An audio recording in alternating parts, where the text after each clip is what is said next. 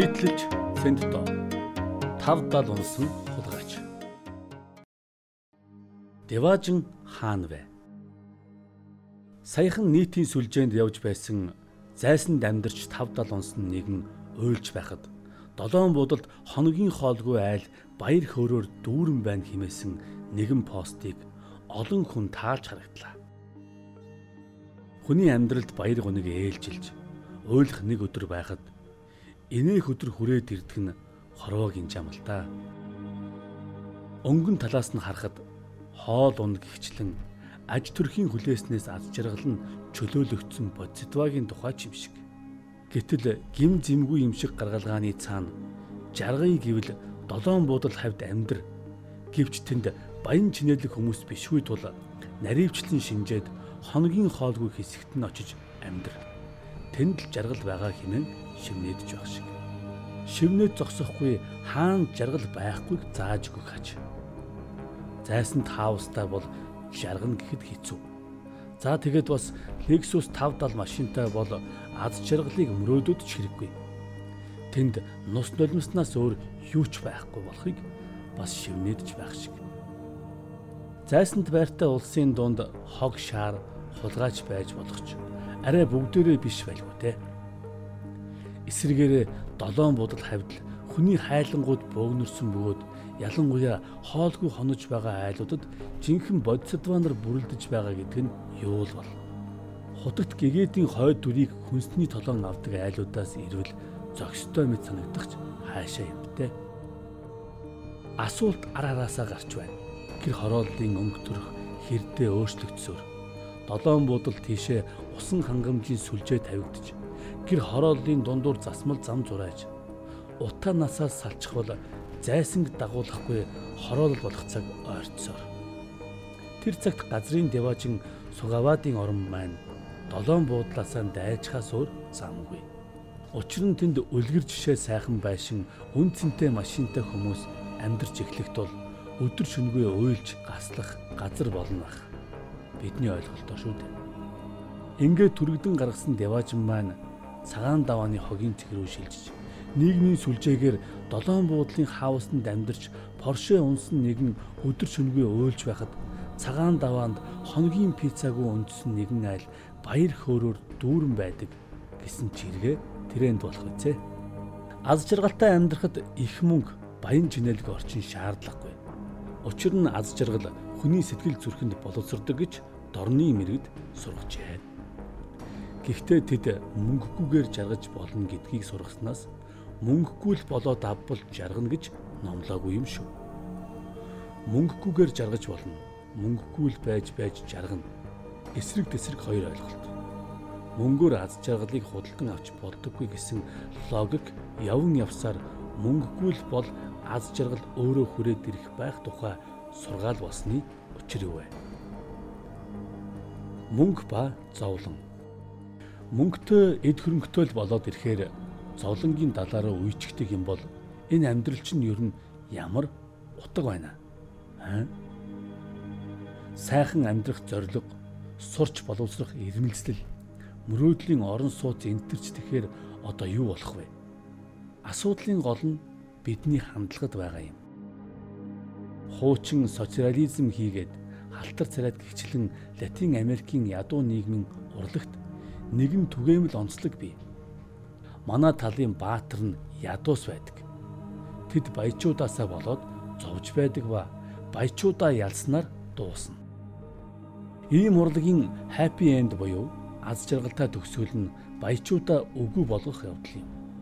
Биднээс тийм ч хол биш.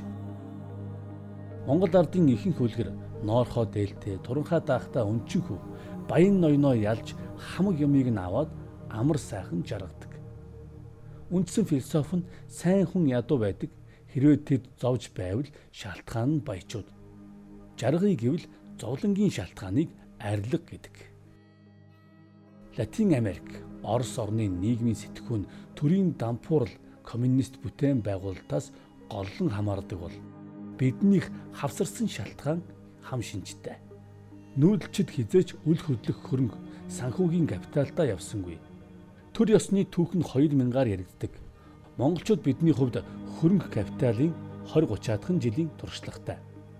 2000 доторх 20 30 хэдэн процент болохыг бодоод үзтээ. Үүн дээр 20 дугаар зууны нүүдлийн социализмын үзэл санааны хорлонд өвийг нэмчих хэрэгтэй. Эндээс л мөнгөнд дуртай мөртлөө мөнгөтэй хүнийг үзэж чаддаггүй сэтгэлгээ маань гарч байгаа юм. Гэхдээ энэ бол асуудлын зөвхөн нэг тал нь. Мөнгөгүй аз жаргалын шинэ хувилбар сурталчилгаанд чи юунд нь эмзэглэв гэхээр ийм юм. Бодсон шиг чинь баячуудад долгонсон юм биш л дээ. Тэр ч байтугай өөрөө мөнгөнд дуртай мөртлөө мөнгөтэй хүнийг үзэн яддгийг чинь шоолгоч гэсэн юм биш. Ийм үзэл санааны нийгэм эдийн засаг улс төрийн хор хохирол нь зүйрлэшгүй их учраас л сөхөж байгаа юм. Эрт цагийн мөнгөөр аз жаргалыг худалдан авч болохгүй. Мөнгөгүй ч гэсэн сэтгэлийн амгалан олж болно гэсэн хүн ухаан нь өнөөдөр мөнгөгүй л бол аз жаргалтай гэсэн улс төрийн философи болсон. Энэ философиг ядуу орны дарангуулагчид их хэрэглэх болжээ. Нийгмийн баялагийг хэдүүлэхнээ том дээрэмдэд олон түмнийг ядуу зүдүү байлгаж байгаа нь буян төвл болох гээд байна. Энэ философор энэ үгэндээ ард түмнээ зайсангийн хаусанд амьдарч Lexus 570 унаж нус нулимсандаа хутгалтгаас сэргийлсэн хэрэг байх гээд байгаа биз? ард түмэн ч гэсэн муу сайн баячууд зовж байгаа. Бид чинь ядуу тулдаал жаргаж байна гэсэн ойлголттой байвал тэднийг тонон дээрэндж дарлаж байхад хичнээн амар байхсан билээ. Зайсанд амьдарч 5-7 унсан нэгэн уйлж байхад долоон будалд хоногийн хоолгүй айл баяр хөөрөөр дүүрэн байна. Хаашаа алтраад байна? Манай энэ нийгмийн философи. Авилагчин дарангуулагчид үзэл санааны дайснуудынхаа хөрөнгийг хурааж дээрэмдэж авах процессоо хүмүүнлэгийн үйл хэрэг болгож харагдуулахдаа дээрх ураг бас хэрэгэлдэг. Манай авилгатай тэмцэх авилгыг үзен ядах үзэл санааг маш амархнаар өмч хөрөнгийг үзен ядах үзэл болгон ядах юмгүй хувиргаж байна. Жишээлхэд Эрдэнэтийн 49%-ийг улсад хурааж авах. Шив шинхэн улс төрийн хэрэгтнүүдийн хөрөнгө хогшлыг хураах шийдвэр нь цаагаараа их сайн үйл наандж л Оросын холбооны улсаас Эрдэнэтийн 49%-ийг худалдаж авсан иргэдээ муу хүн болгохоос аварч байгаа мэт буянт явдал гэсэн уур амьсгал үүсгэж байна. Үндэсний хөрөнгөтнүүдэд зовлонгоос аварч хоногийн хоолгүй жаргалруулж чирээд байна да янз нь. Эд хөрөнгө зовлонгийн шалтгаан болдог гэдэг нь бидний төсөөлдөг шиг альва хүмүүн сайхан байшинтай болоотал гай зовлонд нэрвддэг үнэтэй машин аваад л маргааш нь нус нулимсандаа хутгалдаг гэсэн үг огоот биш. Тэрч байтугай буддаа шагжаа мууны ханху байсан. Жухамдаа юм бүхэнтэй байсан түүнийг юм бүхнээс уйдж орчлонгийн үннийг хайхад хүргэсэн байх талтай. Хүний хүсэж болох юмыг бүгдийг дүүргэсэн ордонд байсан хүн л хүсэлгээч өөрөө ямар ч утгагүйг олж харсан байж болох юм. Бурхны номд ядуу хоосон хүн хоногийн хоолоо олж идэхийг л санааширхаас бус гэгэрэн боловсрч амьтны тусыг өвөлдөх санаа төрөх боломж баг гэдгийг хэлж сургасаар ирсэн. Олон амьтанд өглөг өгч өлсөх гачигдхийн зовлонгоос аварч явсны буйнаар эд баялагтай болоод дутагдах гачигдхийн зовлонгоос салдаг тухай сургадаг юм шүү. Сайн явах санааных. Латин Америкийн ядуу нийгэм Орос зөвлөлтийн урлаг социализмын философийг киногоор жишээлэн дээр өгүүлсэн. Харин Алан Хеданаар дүүрэн химэн байнга шүүмжлэгддэг Холливуудын киноны философи тис өөр шүү. Тэнд баян ядуугийн зөрчил өрөндөггүй. Түүний оронд шудраг ба шудраг бусын хоорондын алаан болоод шудраг нь ялаад дуустдаг. Баахан хүн алчгаад үнсэлцээ дуустдаг нь үнэн л дээ. Гэхдээ хоёр хулгайч алалдлаа гэхэд харьцангуй шудраг байсан хулгайч нь ялдаг да. Америкийн нийгмийн философи мөн үү? Баян ядуугаас үл хамааран шудраг нь ялж байх.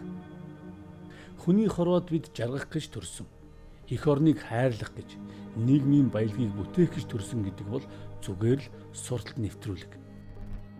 Чи жаргах гэж төрсөн ба жаргах явцдаа шин аз жаргалынхаа үндсийг бүтээж бусадтай сайн сайхныг бэлэглэж эх орноо хайрлалцаж нийгмийн баялагийг бүтээж байдаг. Бурхан шашинднуудын тавьдаг ерөөлийн эхний мөр. Хамаг амтан жаргалан хийгээд жаргалангийн шалтгаанаас үл хагцах болтугай хэмээн эхэлдэг юм шүү.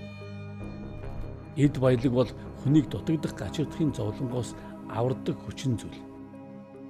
Жаргал гэдэг бол зовлонгоос салахын нэр учраас гачирдахын зовлонгүй явах юутай сайхан. Хамаг амтан зовлон хийгээд зовлонгийн шалтгаанаас хагацх болтугай мөн үү? Хүний хүсэл шунал хязгааргүй учраас хөрөнгөтэй болоод сэтгэл ханахгүй. Тийм учраас чичрээ дайрдгал болчих гээд байгаа юм шүү дээ. Мөнгөтэйч зовно, мөнгөгүйч зовно гэдэг. Үнэн боловч чанарын ялгаатай. Мөнгөтэй өвдвөл ядчил гадаадын сайн эмнэлэгт эмчлүүлээд эдгэрэх найдвар их шүү дээ. Машин тааж хуниглан, машин гүйж хуниглан гэдэг үнэн боловч бас л чанарын ялгаатай. Ядчил машинаа унаж хээр гараад уулын цэнгэг агаараар амьсгалахад сэтгэл уучран да. Мөнгөтэйч жаргаж чаддаг. Бас мөнгөгүй байлаа гэд жаргалаа алдалгүй хамаг амтэн зовлонгүй амгалангаас үл хагацах болтугай хэмээн цааш нь өрөөдөг учиртай.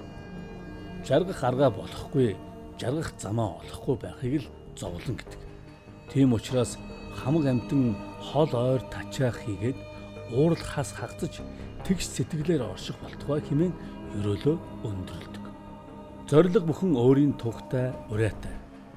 Урай зориг хоёр зөрчилдөж болохгүй баян чинээдэг нийгмийг байгуулах гэж байж хөрөнгө мөнгийг үзэн ядах философитой явж таарахгүй. Монголчууд нийтээрээ баян чинээлэг амьдарч хүний хэрэгэлдгийг хэрэглэх ёстой. Харин хаавсанд амьдрал зовж долоон буудалд ядуурт суул жаргана гэсэн мессежтэйгээ явбал дээрх зорилгодоо хүрэхгүй.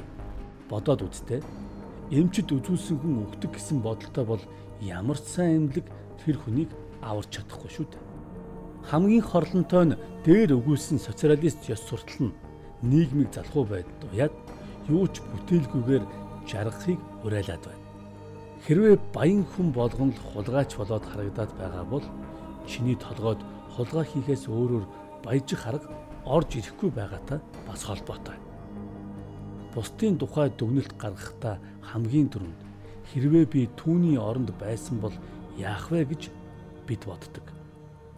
Зарим судлаачдыг адууны идэж тижээ судлаад ир гэхээр өрөөндөө ороод хэрвээ би морь байсан бол юу идэх вэ гэж бодоод суучдаг тухай онигоо байдаг тийм учиртай шүү дээ. Гэхдээ уурлахаа аз нь энэ бодол чинь чамайг төрөлхийн хулгайч болохыг нотолж байгаа хэрэг бус. Харин бизнес сэтгэлгээгээ хөгжүүлж амжаагүй л хэлж байна. Өнөөдөр шудрах хөдөлмөрөөрөө хөрөнгөцсөн олон хүн анхандаа ийм бодолтой явсан ч байж мэднэ баялагийг үзен ядах хулгай луйвартай тэмцэх хоёр тусдаа. Түүнчлэн хулгай луйврыг үзен ядах үзлийг хувирган баялагийг үзен ядах үзэл болгох бол улс төрийн нарийн арга.